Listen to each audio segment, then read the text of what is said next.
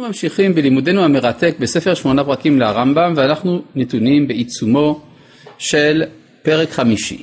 בפסקה המתחילה במילים וכן בדברי האדם כולם. זה נמצא ב... יש מהדורות שונות, המהדורה שבה אני משתמש היא מהדורה הזאת המוצגת לפניכם שעליה אני ממליץ בעמוד קמ"ט אבל כאמור יש מהדורות שונות וכל אחד רשאי בהחלט להשתמש במהדורה שהוא חפץ בה. אנחנו במדינה דמוקרטית וליברלית אפילו, ואפילו יהודית. אם כן, מה אומר לנו הרמב"ם? הוא דן במה שאפשר להגדיר כשימוש, תיעול של כוחות החיים וכוחות הנפש למטרה אחת שהיא המטרה של ידיעת הבורא, דעת השם. זאת המטרה. מובן מאליו שיש מדרגות שונות בדעת השם, כאן הרמב"ם מדבר על דעת השם כפי יכולת האדם. כן, יכול להיות אה, דעת השם במדרגות גבוהות יותר מזו של האדם, למשל הידיעה שיש למלאכים את השם, אנחנו כאן מדברים על הידיעה של האדם.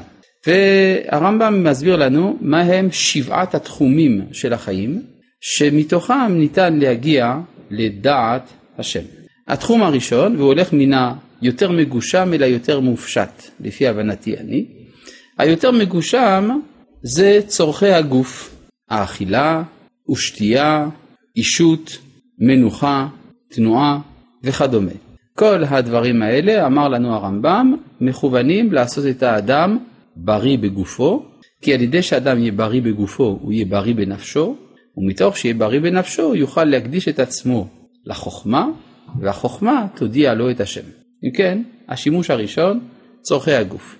יותר מופשט מן הגוף למדנו הממון. הממון זה לא דבר ממשי, זה דבר מופשט יותר. גם הוא משמש כדי לקנות את המעלות ולדחות מעליו את החסרונות. כמו כן הדבר השלישי, מה שאדם לומד, דהיינו החוכמות עצמן. החוכמות מתחלקות לשני סוגים, יש חוכמה שעניינה ישירות דעת השם, ועל זה הרמב"ם אומר אין בו דין ודברים, זה מובן מאליו שזה משמש לדעת השם. כל החוכמות של מעשה בראשית ומעשה מרכבה, או לפי איך שהרמב"ם תרגם את זה, הפיזיקה ומטאפיזיקה, או מה שהיינו אומרים באסכולות אחרות, סתרי תורה, תורת הקבלה וכדומה. פיזיקה זה לאו דווקא רוחני, פיזיקה עוסקת בטבע, זה המשמעות של המילה פיזיקה אצל הקדמונים, תורת הטבע. כן? ויש גם אה, חלקים של החוכמה שאומנם אינם מכוונים לדעת את השם, אבל מכוונים לחדד את השכל, כגון לימודי הלוגיקה, הגיאומטריה, הפלפולים השונים לענייני, למחלקותיהם, הם מחדדים את השכל ומביאים את האדם לדעת השם. אם כן, אלה הם שלושת התחומים שראינו עד עכשיו, כן? הגוף, הממון והשכל. ועכשיו אנחנו עוברים לתחום רביעי, והוא התחום של ה... דיבור. השאלה שעסקנו בה בשיעור הקודם היא מדוע הרמב"ם שם את הדיבור אחרי החוכמה. לכאורה הדיבור זה משהו יותר מגושם, אלא שלמדנו שלפי היהדות הדיבור הוא במדרגה עליונה יותר מן החוכמה. מדוע? משום שהחוכמה עוסקת ברוח והגוף בחומר. זה נפרד זה מזה. אבל המעלה העליונה ביותר לפי היהדות היא האחדות. והאחדות בין הרוח לבין החומר בא לידי ביטוי בדיבור. הדיבור זאת פעולה חומרית, האדם משתמש באיברים כדי לדבר, אבל האיברים שבהם הוא משתמש כדי לדבר הם גילוי החוכמה שלו. אם כן המפגש הזה בין החומר לרוח הוא מבחינתה של היהדות מעלה עליונה. ולכן הפילוסופים כשהם מחלקים את חלקי המציאות אומרים דומם, צומח, חי, משכיל. כשמגיעים לאדם קוראים לו המשכיל, החי המשכיל. לעומת זה היהודים אומרים דומם, צומח, חי, מדבר. כשמדברים על האדם מציינים את התכונה שלו כמדבר שהיא גילוי עליון יותר מן החוכמה. רצית להגיד משהו? מה, הדיבור? כן, אתה צריך פשוט להקליט את שאלתך, רק רגע. נו, מה השאלה?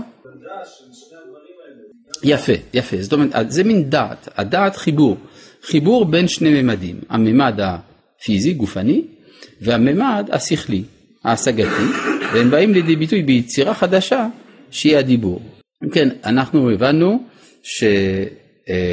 ביהדות רואים מעלה במשהו שהוא חיבור של אה, שני עולמות, העולם הפיזי והעולם הרוחני כאחד, זה יוצר יצירה חדשה, הלוא היא הדיבור. הדיבור, אפשר לומר שהוא ייחודי לאדם באשר הוא אדם. אמנם בעלי חיים מוסרים אחד לשני מידע, ויש להם אפילו לקסיקון, אבל זה עוד לא הדיבור. הדיבור זאת מסירת חלקים של הנפש אל הנפש של זולתו, וזה ייחודי לאדם, ולכן יש פה אה, כלי שהוא משמעותי ביותר מבחינת העוצמה שלו והסכנות שלו ממילא. כן. שאלתך היא האם הביטוי מדבר כדי לציין את האדם הוא מיוחד לרבי יהודה הלוי או שהוא בכלל בספרות הרבנית של ימי הביניים? תשובה, זה בספרות הרבנית של ימי הביניים. כך מבאר רבי שמואל אבן תיבון בספרו הקצר הנקרא ביאור מילים זרות המודפס בסוף המהדורות הקלאסיות של מורה נבוכים שחכמי ישראל מעדיפים את הביטוי מדבר על פני הביטוי משכיל. כן, מה השאלה השנייה? האם הכוונה היא רק לדיבור, חיתוך דיבור בשפתיים, או שכל ביטוי היום זה מיילים או כתב או אסמסים? אה, זו שאלה מעניינת, כלומר, האם הכתיבה היא גם סוג של דיבור, האם המייל, האם ה-SMS זה סוג של דיבור? הייתי אומר יותר מזה, לא כל דיבור הוא דיבור. זאת אומרת, לא כל העברת מידע, או אפילו כתיבת אה, ספרות, זה דיבור. לכן אנחנו צריכים להבחין לא במכשיר המוסר את הדיבור, אלא. האם דרך הדיבור גם עובר הקול, כמו שנקרא אינטונציה, הטון, כן? זה משהו הרבה יותר עמוק. כמו שכתוב בתורה, כל דברים אתם שומעים. מה זה כל דברים? או קול או דברים, תחליט. אלא בתוך הדברים יש גם קול. אם אתה לא שומע את הקול בתוך הדברים זה עוד לא דיבור. ולכן בברכת יוצר המאורות אנחנו אומרים, ומשמיעים ביחד בכל דברי אלוהים חיים. מה זה כל דברי אלוהים חיים? הקול שבתוך הדברים של אלוהים חיים. אז לפי זה, אז בעצם זה לא משנה אם זה, מה שזה לא יהיה, העיקר שיהיה בזה משמעות? נכון, שיהיה אינטונציה. עכשיו זה הרבה יותר קשה כשזה במכשיר מוקלט, או בדפוס, מאשר כאשר זה בפנים אל פנים. אבל העיקרון הוא שצריך שמה שיימצא הקול, הקול הפנימי. כן, יש ביטוי לגבי אברהם אבינו. אברהם אבינו נקרא בשם אברהם, כי אב המון גויים נתתיך. מה פירוש המילה המון? אחת המשמעויות של המון זה הקול, הקול שיוצא, כן? למשל המייה, המייה היא געגוע, ויש לפעמים קול המון, הכוונה הרעש שעולה מהנוכחות של הרבה אנשים, זה נקרא המון. וזה נמצא בפירושו של פילון האלכסנדרוני, שהסביר אב המון, אבי הטון, מי שנותן את הטון. כן? אז יש אה, חוכמה מיוחדת של לדעת לשמוע את הטון. אצל אומנים יודעים את זה. כן, לפעמים אומנים עוברים זמן רב עד שהם מוצאים את שמה אורך הגל, את הטון הנכון של מה שהם רוצים להעביר. ברגע שהם מוצאים את זה, אז היצירה פורצת. עד אז לא. כן? אז עכשיו שהקדמנו את כל זה, אנחנו יכולים לקרוא את דברי הרמב"ם עצמו. וכן, בדברי האדם כולם. הדיבור שאדם מדבר. על מה צריך לדבר? הרי אפשר לדבר הרבה. אין צריך שידבר בהם, אלא במה, עכשיו יש פה רשימה של דברים, רשימה די ארוכה. במה שיביא לנפשו בו תועלת או ירחיק היזק מנפשו. כלומר דיבור שמביא תועלת. מה זה יכול להיות דיבור שמביא תועלת לנפשו? למשל, לימוד תורה, תפילה וכדומה. זה מביא תועלת לנפשו. או ירחיק היזק מנפשו, גם כן. או מגופו. כלומר, למשל, אה, אה, נהג עצור, כן? זה מביא, זה מרחיק היזק מנפשו, מגופו, סליחה. או, יש נושא אחר, בחוכמה או במעלה. כלומר, אדם מדבר בענייני חוכמה, או מעלה שהוא רוצה לקנות. וזה יכול להיות בשבח מעלה או מעולה. מה זה שבח מעלה? הביטוי למשל, השמחה היא מידה טובה. בסדר? או הענווה מידה טובה. הנה, המילים האלה הם שבחה של מעלה. בסדר? או מעולה. מה זה מעולה? לשבח את מי שקנה את המעלה הזאת. למשל, לומר, משה רבנו הוא גדול, תראו איזה ענווה יש לו. כן? להגיד את השם שלו, לדבר על האיש עצמו, לא על הקונספט, על המושג המופשט של הענווה, אלא להביא דוגמה של אדם חי. זה נקרא לשבח מעולה. או לגנות גנות. מה זה לגנות גנות? כלומר, הגאווה היא מידה רעה, העצבות מידה רעה, הקמצנות מידה רעה. אלה דיבורים שבאים לשבח, שבאים לגנות גנות. או מגונה. מה זה לגנות מגונה? כלומר, תראו כמה שהמן מלא גאווה. איכס, איזה אדם רע זה. כן? האמירות האלה באות לגנות את המגונה. לקחנו דוגמה של אדם חי, רע, כדי להגיד עליו שהוא רע. עכשיו נשאלת השאלה, מה הצורך בזה? כן? מדוע אתה צריך לקחת דוגמאות מן החיים?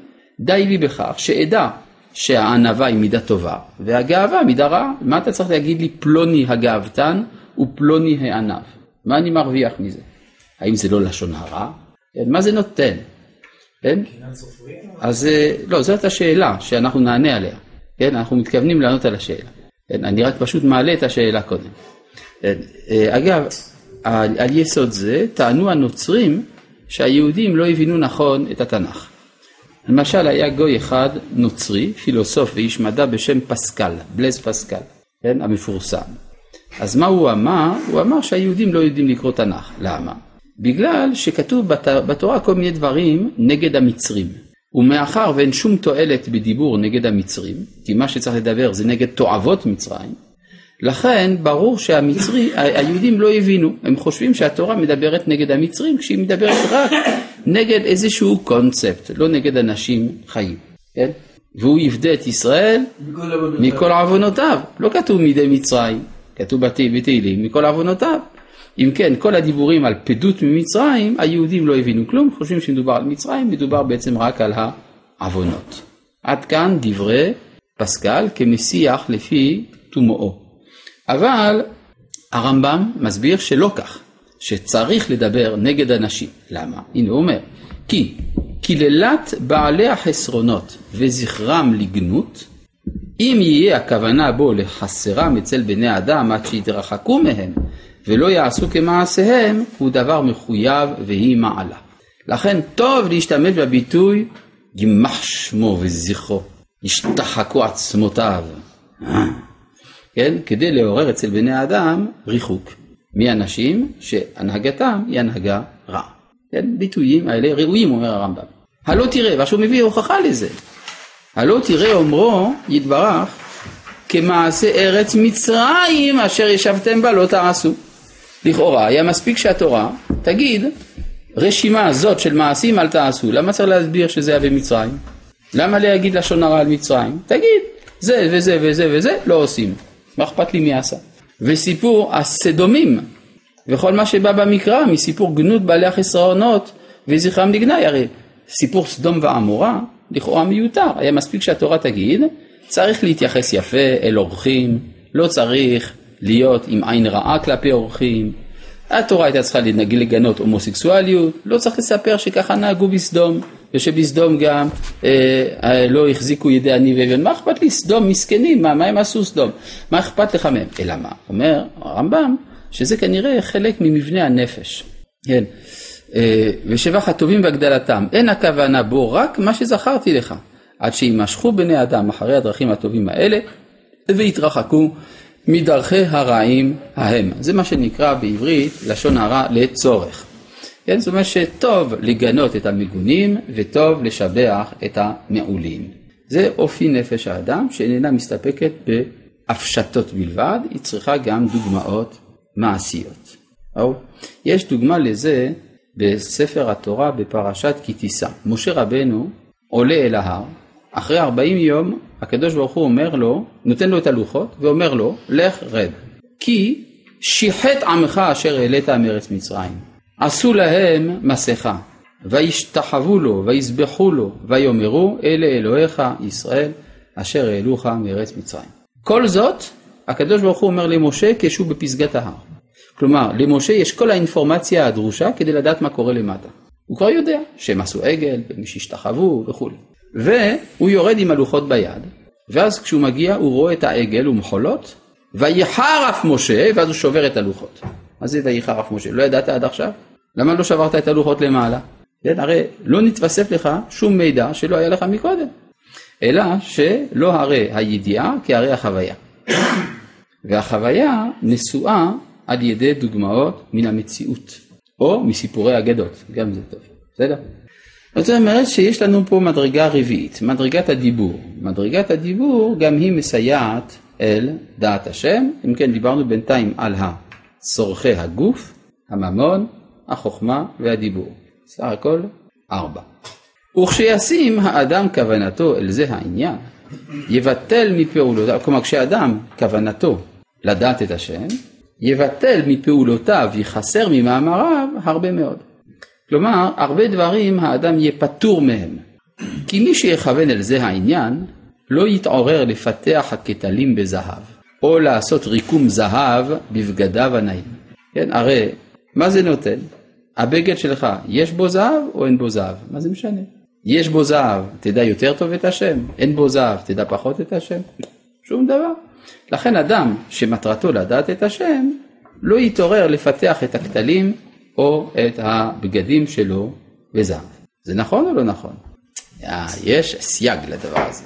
האלוהים, האלוהים זה לשון שבועה.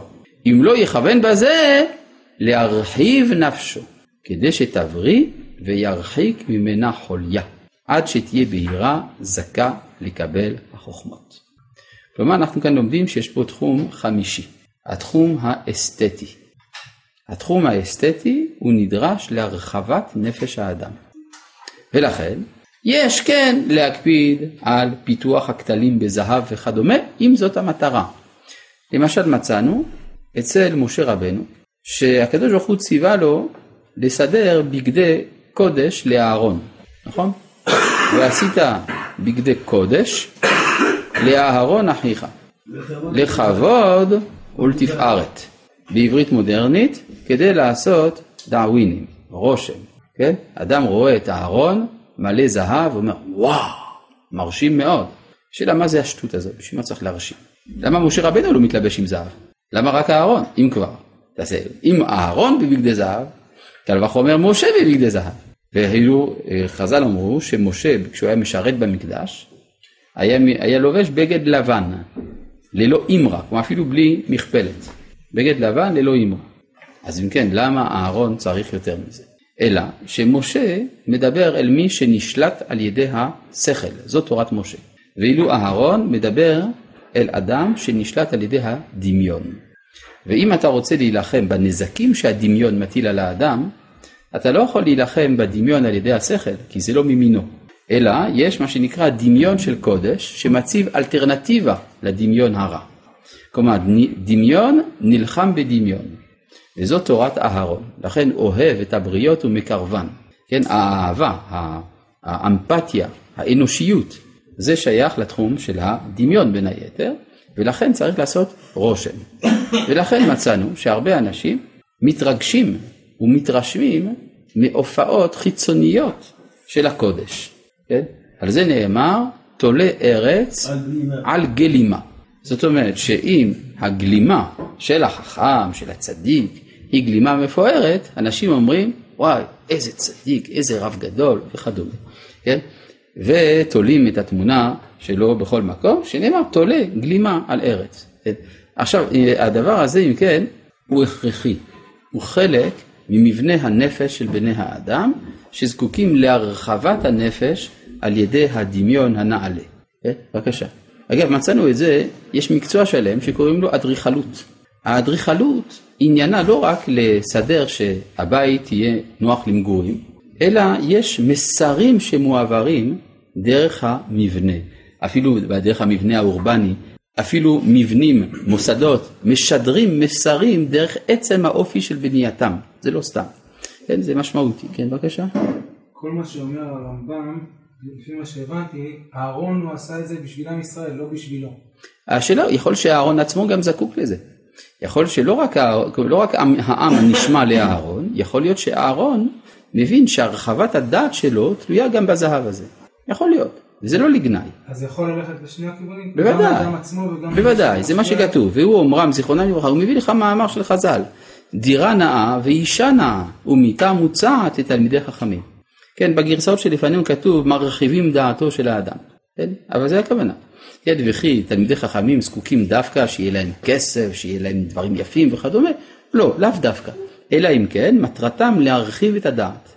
אז השאלה היא מה העיקר, הדעת או ההרחבה? אם המטרה היא ההרחבה, זה מחריב את הדעת. אם המטרה היא הדעת, אז אותם דברים מרחיבים את הדעת. מובן?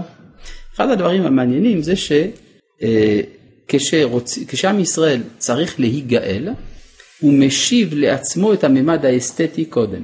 כן? למשל, חז"ל אמרו, בראש השנה אה, פסקה עבודה, בטלה עבודה מאבותינו במצרים. אבותינו במצרים היו עובדים בעבודה קשה, עבודה קשה היא מנוולת את האדם, עושה אותו מכוער. אז במשך שישה חודשים לפני יציאת מצרים הפסיקה העבודה. מה זה נותן? תפסיק את העבודה ביום יציאת מצרים. לא, כי צריך להשיב את הכבוד, להשיב את, ה, את האצילות, אפשר לומר. דבר דומה מצאנו גם בדורותינו אנו, כן? שלפני שהחלה הציונות המעשית, היו מספיק אנשים עשירים בעם ישראל, שתרמו לבניין הארץ, עשו מה שצריך פה, בנו מה שאפשר לבנות, ולא עוד, אלא שגם חזרה, ניתן שוויון הזכויות ליהודים במדינות אירופה, מה שנקרא אמנציפציה. כלומר, היה צורך של הרחבת הדעת לקראת הגאולה. אתה לא יכול להגיע לכל העומקים של, הרח... של הדעת המתלווים אל הגאולה אם אין הרחבה תחילה. אי אפשר לצאת מניבול אל הכבוד.